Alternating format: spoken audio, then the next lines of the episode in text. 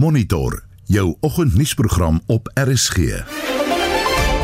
In die volgende uur watertoevoer word in twee Gautengse stede onderbreek. Die ANC president Cyril Ramaphosa voorspel 'n moeilike verkiesing vir die party in 2024 en die Israeliese regering wil wapenlisensie wetgewing verslap.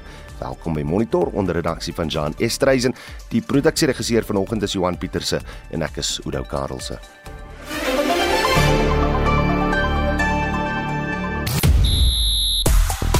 Goeiemôre Suid-Afrika. In sportnuus vanoggend, die Proteas beklink die reeks teen Engeland in Bloemfontein. Die Blitsbokke eindig as naaswenners in die Sydney Sevens toernooi. En die tennisster Novak Djokovic is weer nommer 1 op die wêreldranglys. Meer sport volg bietjie later.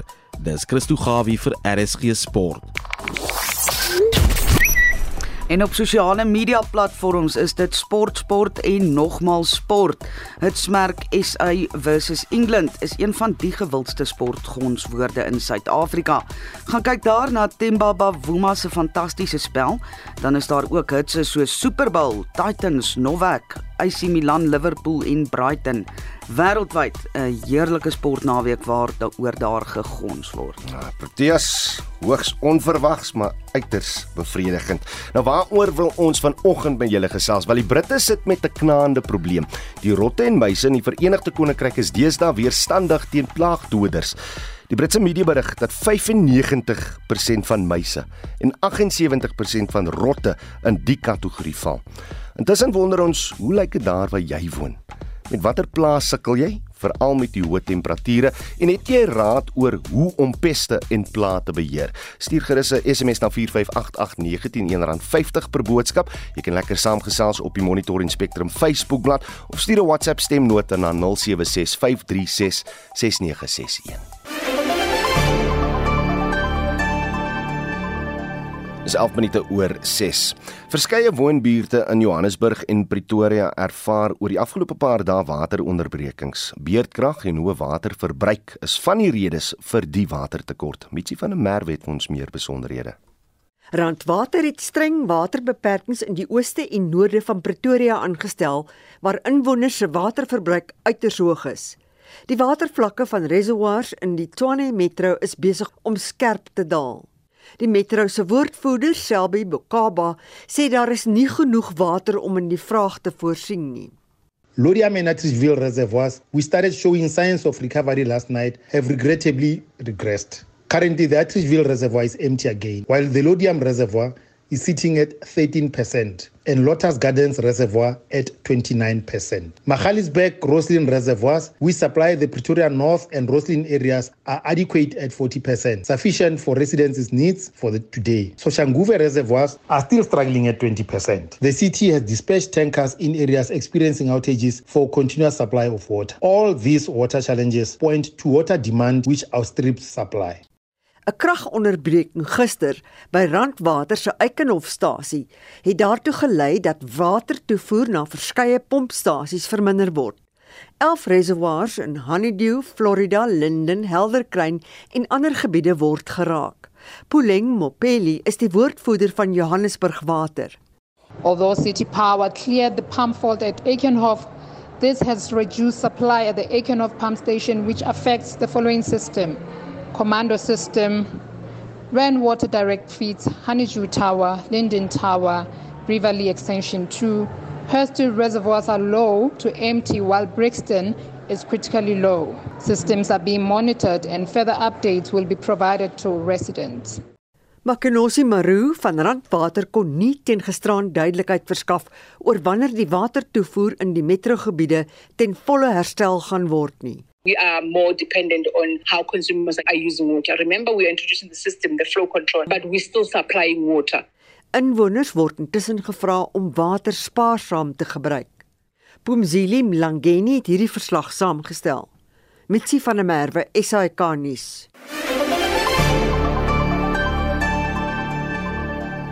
Inwoners van Touwsrivier in die Wes-Kaap het Saterdag die geleentheid gekry om hul oë vir katarakte te laat toets.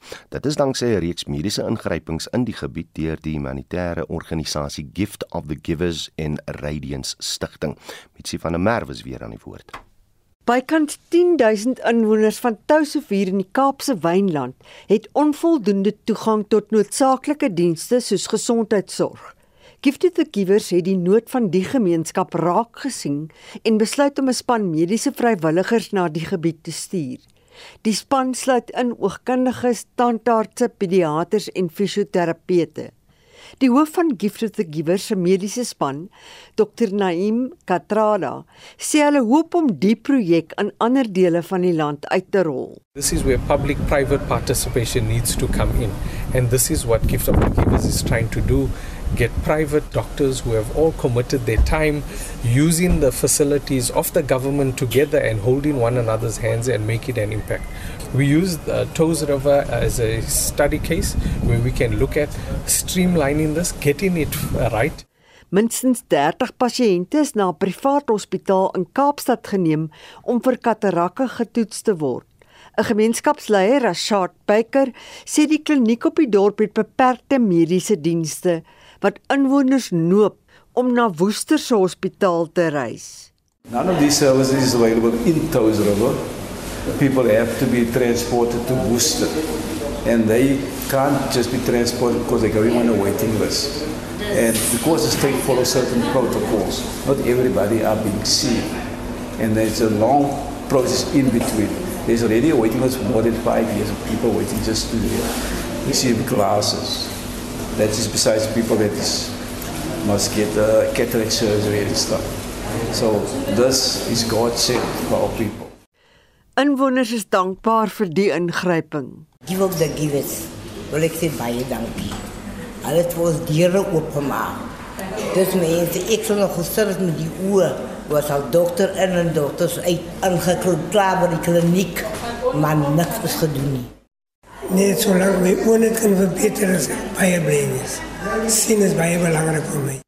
Die waglys vir katarak-operasies in die provinsie word daagliks langer en die Radiant Stichting poog om die agterstand te verlig.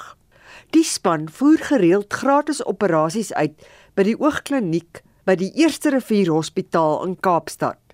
Dr. Junay van der Merwe is die mede-stigter en oogarts. As ek hulle klaar ondersoek het en ek het dan besluit dit is wel 'n katarak, dan stuur ons die inligting vir Eerste Rivier Hospitaal en gaan hulle datum kry vir hulle operasie as hulle dan nou sou kwalifiseer.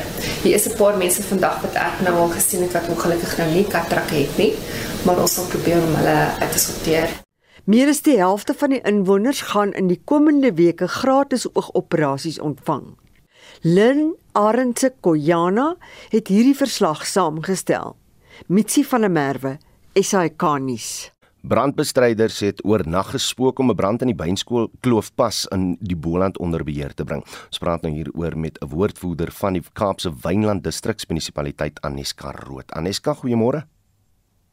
Goeiemôre Ido en goeiemôre aan al die luisteraars. Ons verstaan die brand is nou wel in bedwang gebring. Is daar enige kans dat dit weer kan opvlam? So ja, die brand is ingekamp. Ehm um, en daar word tydens gemoniteer en ehm um, opruimingstakke gaan voort vir die dag vir ingeval daar enige opvlammings is. Hoeveel brandspanne het julle op die grond? Ehm um, varspanne sal ver oggend ingaan en dit sal vier gekontrakteerde grondspanne wees van NCC en dan ook ses brandbestryders wat bygestaan sal wees deur drie brandbestrydingsvoertuie. Ek weet dit is nog vroeg in die proses, maar kon julle uh, vasstel hoeveel skade deur die brand aangerig is? So ons weet wel dat daar geen verlies was aan lewe en eiendomme nie, maar enige ander skade sal eers op 'n latere stadium vasgestel kan word. So ten opsigte van wat vandag se bedrywighede behels, waarmee gaan julle vandag besig wees? So vandag gaan hulle net fokus op die moniterings en die opruimingstake. En is daar enige ander hulp wat julle hulp wat julle dalk nodig het? Op die oomblik nee. As hy, Aniska Rood, sy is die woordvoerder van die Kaapse Wynland Distriks Munisipaliteit. Dr Roy Jankelson is Saterdag onbestrede as die leier van die DA in die Vrystaat in Kroonstad herverkies. Die provinsiale voorsitter, Werner Horn en die provinsiale voorsitter van Finansies, David van Vieren, is ook weer in hul posisies verkies. Die nuwe leierskap is in beheer van die algemene verkiesing in 2024 in die provinsie. En ons praat nou met die einste Dr Roy Jankelson. Roy, goeiemôre. Goeiemôre, Oda. Daar daar's baie wanfunksionele en bankrot munisipaliteite in jou provinsie. Sou julle van die 19 munisipaliteite in die Vrystaat in die 2024 verkiesing oorneem, realisties gesien, Roy, hoe vinnig sou julle die situasie kan omdraai? En mens moet onthou dit is nie 'n munisipale verkiesing nie, dit is 'n provinsiale en nasionale verkiesing. So daar is nie 'n geleentheid om munisipaliteite oor te neem nie, maar ek dink sou ons die provinsie oorneem en ons weet dat die ANC in die Vrystaat ehm um, baie verdeeld is en ek dink nie die Vrystaat van nasionaal of provinsiaal weer 50% kry nie. So dit is 'n geleentheid vir ons as die tweede grootste party om um moontlik of die provinsiale regering of die wetgewer ten minste oor te neem want ek dink nie die ANC gaan albei kan bestuur nie en ons het in ons um in tydens ons kongres het ons ook 'n resolusie aanvaar dat ons wetgewing binne die provinsie sal instel wat ook ingryp in, in munisipaliteite beheer want die grondwet maak voorsiening daarvoor en al is die munisipaliteite nog onder ANC beheer tot die volgende munisipale verkiesing um, kan 'n provinsie ook in munisipaliteite ingryp om hulle bestuur te verbeter en dit is ook een van ons planne. Ek, ek wil tog net daarby hou want want baie van ons probleme sien ons op munisipale vlak. Wat dink jy is die eerste stap wat geneem moet word om bestuur op plaaslike regeringsvlak te verbeter? Die eerste ding wat gedoen moet word is om mense in bestuursposte te kry wat die nodige vaardighede het om hulle werk te doen want ons weet deur die ANC se kaderbeleid het hulle binne die Vrystaat mense aangestel wat nie noodwendig die nodige vaardighede het om die werk te kan doen nie. en dit is een van die grootste probleme wat ons het en dan 'n ander probleem is ehm um, die faksies binne die ANC wat as gevolg van die kaderbeleid ook ons munisipaliteite destabiliseer want jy het mense in munisipaliteite wat as gevolg van die kaderbeleid rapporteer aan die party maar nou is daar verskillende faksies en hulle ondermyn mekaar en ons het tot gesien dat hulle van die dienste en munisipaliteite saboteer. Die munisipaliteite die in Bethlehem, die Slabeng munisipaliteit waar ek bly, ehm um, tot 'n verklaring op 'n stadium uitgereik en sê dat wat wat sê dat ehm um, van die krane afgebreek is van die waterkrane om water te voer na na gemeenskappe te keer. En dit is as gevolg van sabotasie binne die munisipaliteit en dit gebeur oral in die Vrystaat. Kaderontplooiing is 'n probleem. 'n ander probleem is net hoe eh, koalisie regerings eh, om homself bewys as as iets wat eintlik stop sit aan dienslewering. Nie die onlangse DEA burgemeester van Johannesburg se metro, Popalatse, wat met 'n mosie van wantroue uitgestem is, is 'n perfekte voorbeeld van hoe koalisiepolitiek nie tot voordeel van die belastingbetalers is nie. Die DEA is ook deur voormalige koalisievennote as arrogant beskryf van die manier hoe hoe hulle saamwerk met ander partye. Hoe hoe rooi kan soortgelyke politieke magspel in die Vrystaat spesifiek bestuur word sou die DA meer stemme in 2024 werf? Wel, ek wil eers dan sê ek dink nie dis arrogant om na koalisie te gaan met beginsels en te sê kom ons onderhandel eers oor hierdie beginsels. Ons kom ons besluit oor die beginsels waar binne ons koalisie regering gaan uh 'n regering gaan gaan regeer en baie van die van die kleiner partye wat onder 1% het. Hmm. En dis die probleem in ons stelsel dat klein partye met onder 1% setels kan kry en baie van hulle kom en sê nee, kom ons praat eers oor posisies, nie oor die beginsels nie. Nou vir ons is is die beginsels baie belangrik en um, ek dink nie 'n mens kan enige regering regeer sonder goeie bestuursbeginsels nie en wat wat op um, die regstaat gebaseer is, wat op dienslewering gebaseer is, wat ehm um, nie kaderontplooiing het nie, maar ons in die Vrystaat sit met met 'n ander tipe situasie want as 'n mens kyk na die provinsiale wetgewer um, met die en 'n mens kyk na die opset van die oppositie hmm. so die DA met 6 setels en ons het gelukkig met elke verkiesing in die wetgewer het ons gegroei die die EFF sit met 4 setels en die Vryheidsfront met 1. So ons hoop dat die kiesers nie die stemme verder gaan verdeel nie en laat hulle die DA kan versterk dat ons nie ehm um, in koalisie hoef te gaan nie want daar is nie veel vennote in die Vrystaat vir ons op provinsiale vlak. Ons ehm um, sit met die ANC wat onder 50% van wees en ehm um, 'n 'n EFF wat wat al die aanduidings is 'n 'n plafon bereik het van omtrent 12% en die Vryheidsfront het maar een setel. So ek dink die die geveg van wees oor wie regeer van wees tussen die DA en die ANC. Hmm. En ons hoop maar dat die kiesers in hulle massas veral ons oppositie kiesers in hulle massas sal registreer en en sal gaan stem en hulle moet maar 'n besluit neem of hulle 'n gesonde regering in die Vrystaat wil hê of hulle wil aanhou vir die ANC stem. Nou ons het ook gesien in plekke soos Mangaung in die vorige verkiesing dat as al die oppositie kiesers en ons weet daar is 'n groot aantal oppositiekiesers wat nie geregistreer het nou as hulle gaan registreer en hulle doen nie moeite om te stem sou ons moontlik Mangaung kon regeer het en ek dink dieselfde geld vir die Vrystaat um, veral onder die huidige verdeeldheid hmm. van die ANC gaan daar van baie van die ANC kiesers net wegbly en dis nie onmoontlik dat hulle 'n nuwe party vorm binne die ANC en dat dit die ANC verder verdeel. So dis nog op hierdie tydstip heeltemal te vroeg om te praat oor met wie jy as as uh Roy Jankelson sal werk as koalisie vir nood in die in die Vrystaat nie, né? Heeltemal te vroeg, maar ons het een voordeel in die Vrystaat. Ons is die eerste provinsie wat weggespring het met ons provinsiale kongres. Hmm. So ons gaan van nou af fokus op die 2024 verkiesing en ons het nou baie tyd om dit te doen.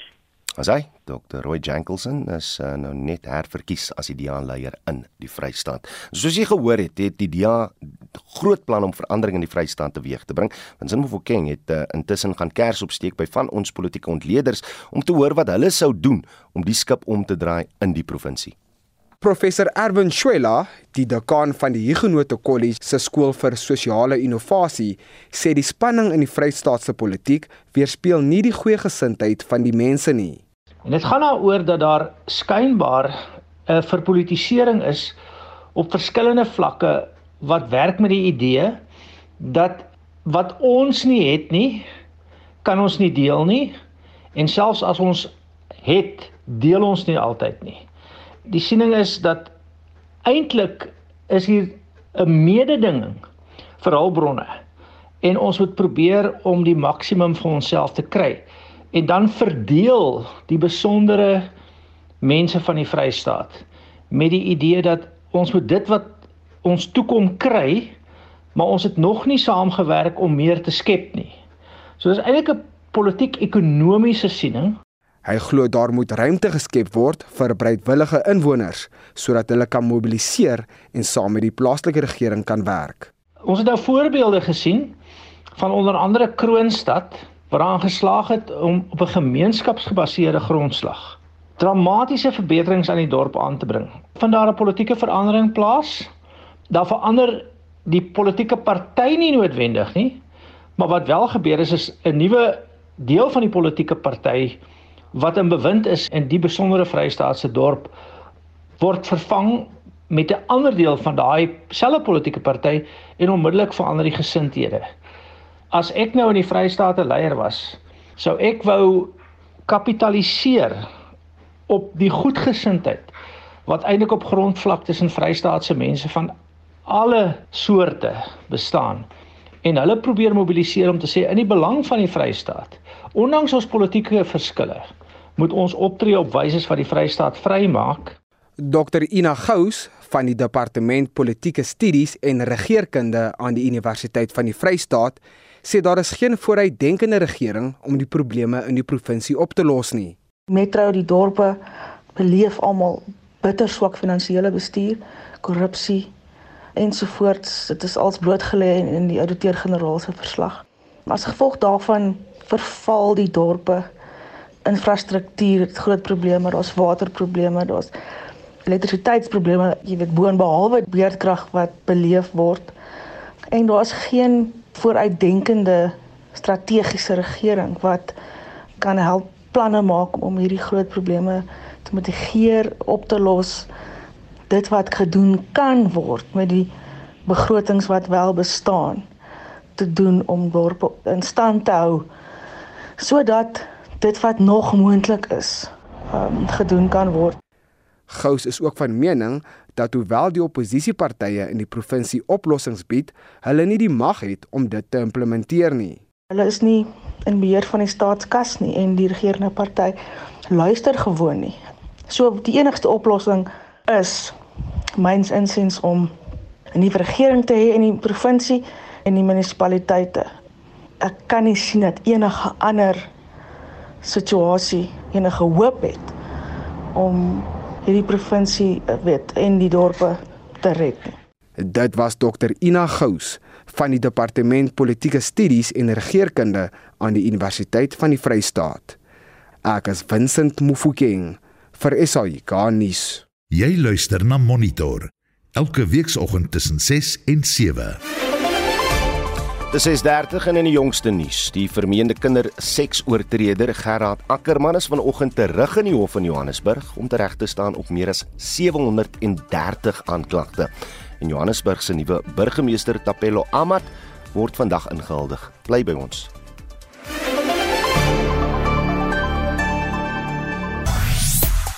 Na aanleiding van Brittanje se rot en muisprobleem het ons gewonder watter pla en peste jy ervaar, veral nou met die hitte. En ons het heelwat raad gekry van hoe om sekere onwelkome gaste weg te dryf op ons WhatsApp stemnota lyn.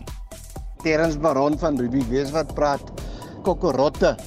Ek het 'n baie baie goeie raad, eenvoudig. Vat twee hoendereiers, kook dit hard, kook 'n aardappel, dan maak jy dit fyn dan meng jy die geel van die eier met die aardappel jy maak hom amper soos jy mespotato maak dan vat jy 'n bietjie boorpoeier meng jy boorpoeier dan maak jy bolletjies en pak jy dit rond daar Ooh, vir ewig sal hulle nooit weer in jou huis inkom of 'n plaag wees of so nie. Tot op vandag toe is daar nie een kokkerot in my huis meer nie. Ek het raad vir mure. Jy vat so 2 eetlepels koeksoda, 2 eetlepels versiersuiker en dan maak jy hom amper soos 'n pasta aan. Dan drup jy hom op al jou muurneste of wat ook al oralste. Die mure gaan agter die soetigheid aan. Dan blaas hulle op want daai soetigheid kan nêrens uitgaan nie. So dit maak hulle ongelukkig 'n bietjie dood. 'n bietjie dood. Dit was van ons luisteraars se raad oor hoe om onwelkome gaste uit mense se huise te te hou. Laat weet ons met watter pla jy sukkel en wat is jou raad oor hoe om peste en pla te beheer. Stuur 'n SMS na 45889. Dit sal jou R1.50 kos per boodskap. Jy kan saampraat op die Monitor en Spectrum Facebook bladsy of soos hierdie luisteraars gedoen het, eh, stuur vir ons 'n WhatsApp stemnota na 076 536 6961. Christo Gawie staan slaggereed met die jongste sportnuus môre Christo. Goeiemôre Oudo, goeiemôre luisteraars. Ja meneer, ek het Vrydag gevoel nee, die Proteas gaan dit nie maak nie. Ek het gister ook gevoel so op die halfpadpunt nee, die Proteas gaan dit nie maak nie, maar Temba Bavuma jou doring. ja, Oudo, die tuispan, hulle het die lood gewen en hulle het besluit om eers te kolf nou. Suid-Afrika die eerste kragmeting Vrydag met 27 lopies gewen. Gister egter, soos jy noem, die kaptein Temba Bavuma se derde eendag 100-tal uh, het die platform gestel vir die oorblywende kolwers om aan te gaan waar hy opgehou het en die teiken van 343 lopies af te jaag. 347 vir 5 is aangeteken en die wedstryd is met 5 balkies is dit beklink. Suid-Afrika het die hoogste suksesvolle jaagtog in Bloemfontein voltooi en hulle derde hoogste in die formaat om die reeks teen Engeland te beklink.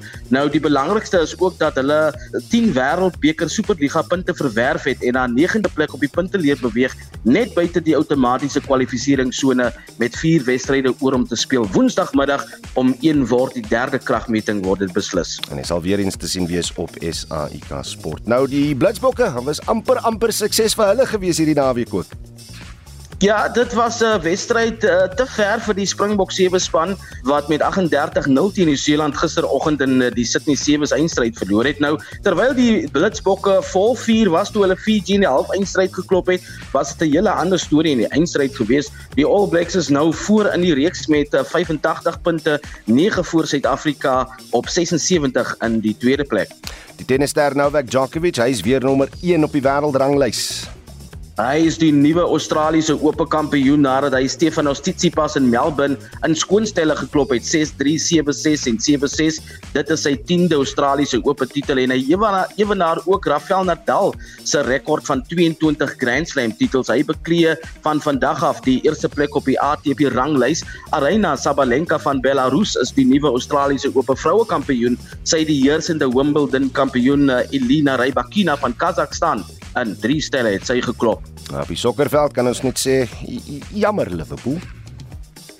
Ja, uh, heel eers in die FA beker het Manchester United Reading met 3-1 getroof. Manchester United se Casemiro het uh, twee doele verseker in die 54ste en die 58ste minuut terwyl Fred die derde doel in die 66ste minuut aangeteken het en Reading se enigste doel is aangeteken deur Amadou Mbengi in die 72ste minuut. Liverpool, soos jy noem, die is uit die FA beker geskop nadat hulle of geklop nadat hulle gister in die 4de ronde met 2-1 teen Brighton vasgeval het toe uh, Kauru Mitoma die wendoel met die, in die 92ste minuut aangeteken het en dit was die tweede keer dat Brighton Liverpool hierdie maand ook verslaan het ook in die Premier Liga met 3-0 vir Brighton ook uh, vroeër. SuperSport United plaaslik kon nie die naweek die tweede plek op die DStv Premier Liga punte leer inneem nie na hulle 0-0 gelyk op uitslag teen Swallows Saterdag aand by die Dobsonville Stadion. Orlando Pirates het Gallants met 2-0 gemaklik gekop geklop. Chippa United het Maritzburg gistermiddag met 1-0 geklop terwyl Kaizer Chiefs Royal Am met 2-0 verslaan het. Sundowns DS bo aan die punte leer 52 punte, gevolg deur Richards Bay in die tweede plek met 30 punte en SuperSport is in die derde plek. En laastens, wat gebeur by die hokkie mans wêreldbeker? Op die laaste dag van uh, klassifikasiewedstryde van die FIH Odisha Hockey Mans Wêreldbeker 2023 het Argentinië en Indië het hulle oorwinnings aangeteken om hulle veldtogte in 9de plek te beëindig. Maleisië en Frankryk het ook oorwinnings behaal en in 13de plek geëindig. Nederland vir Wallis en Suid-Afrika het hulle in die 11de plek laat eindig. En dit dan Christo Gawie van RSG Sport.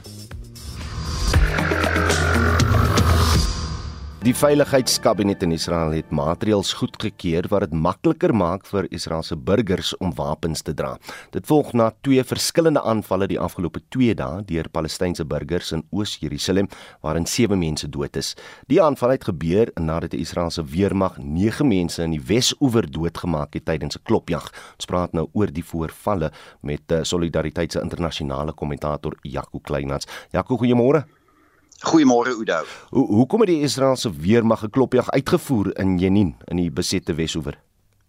Ja, Udo, uh, reeds uh, so 9 maande gelede het die Israeliese weermag, uh, dit was nou in verlede jaar, die sogenaamde operasie Golfbreker geloods. Nou dit is 'n 'n teenterreur uh, operasie in die Wes-oewer en die ooste van Jerusalem waar die Israeliese weermag sê hulle um, spesifiek mense wat by terreurdade betrokke is probeer vind. Uh, dit nadat daar uh, so 10, 11 maande gelede verlede jaar hier in Maart en April heelwat geweld in die Wes-oewer um, uh, en en Oos-Jerusalem was. Die probleem sedertdien is natuurlik maar net dat hierdie geweld eskaleer, né? Want wat jy sien is die een kant ehm um, uh, voer 'n klopjag uit Israel in hierdie geval en dan is daar vanuit die Palestynse kant weer vergeldingsaanvalle en dit het meegebring dat verlede jaar die die bloedigste jaar in die Wes-oewer was sedert die die tweede intifada van 2024-5. So dis 'n dis 'n baie dis 'n baie slegte situasie, 'n soort van spiraal wat nie gebreek kan word van geweld op die oomblik nie. Sê my van die veiligheidsmaatreëls wat toe dan in werking tree, beteken dat die families van die Palestynse aanvallers hulle maatskaplike toelaas verloor en die reg om in Jerusalem te woon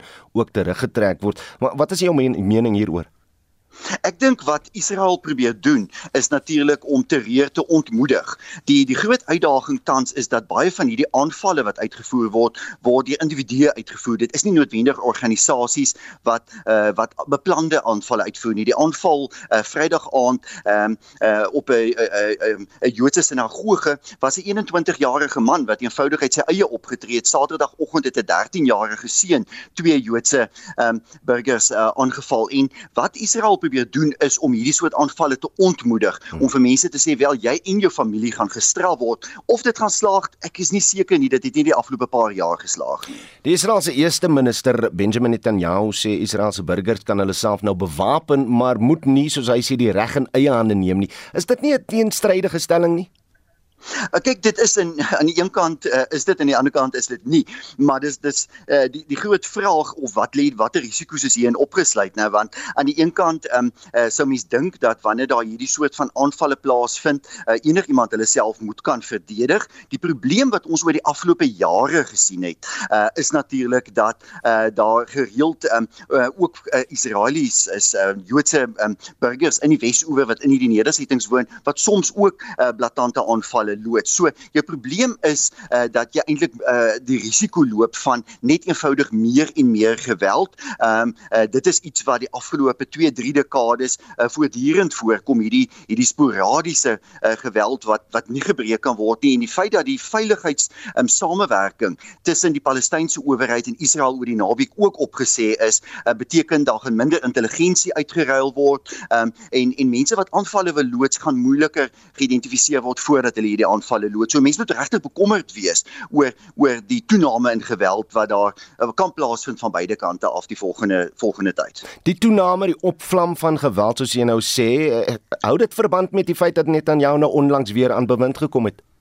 Uh, slegs gedeeltelik. Uh, jy weet Oudo sedert die oorlog in 1967, uh, toe Israel uh, basies die Wes-oewer en ooste van Jerusalem beset het, um, het ons maar voortdurend oor die dekades hierdie soort van uh, van geweld gesien. Ons het gehoop in die 1990s dat die Oslo akkoorde dit sou oplos um, en en daar was met tye natuurlik goeie reëls gewees binne die drie zones van die Wes-oewer uh, om om die situasie uh, onder beheer te probeer kry. Tans is die probleem eenvoudig nodig um, afwesigheid aan leierskap ook internasionaal om 'n langtermyn oplossing te te vind vir hierdie konflik tussen die Palestynë uh, en Israel en Netanyahu se herverkiesing is eintlik maar 'n simptoom van 'n groter probleem, 'n langdurige probleem van mense se frustrasies. En dit is beide die frustrasies van die Palestynë wat voel dat hulle het nie hulle eie regering beheer oor hulle eie grondgebiede nie en die frustrasies van van Joodse uh, nedersettings wat voel hulle is onveilig, hulle word voortdurend uh, in terme van hulle van hulle veiligheid bedreig en daar is 'n langtermyn oplossing hiervoor nodig. Iets wat ons sien min mense eintlik tans aan werk ons hoop dat die Amerikaanse minister van buitelandse sake wel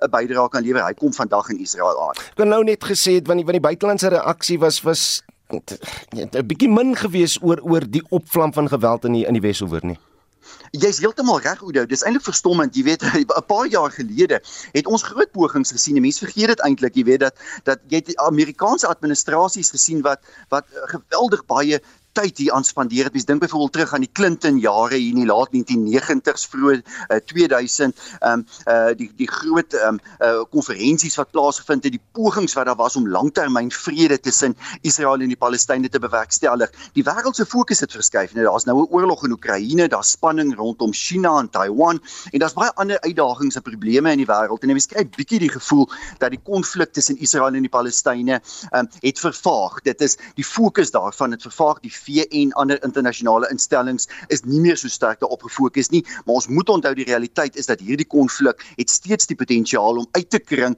en om eintlik die hele Midde-Ooste te destabiliseer, plekke soos Libanon, Sirië en so aan. So dit bly 'n ernstige uitdaging. En dan sal ons sien wat die buitelandse reaksie is. Dis Jaco Kleinhans van Solidariteit, hy is hulle internasionale ontleder.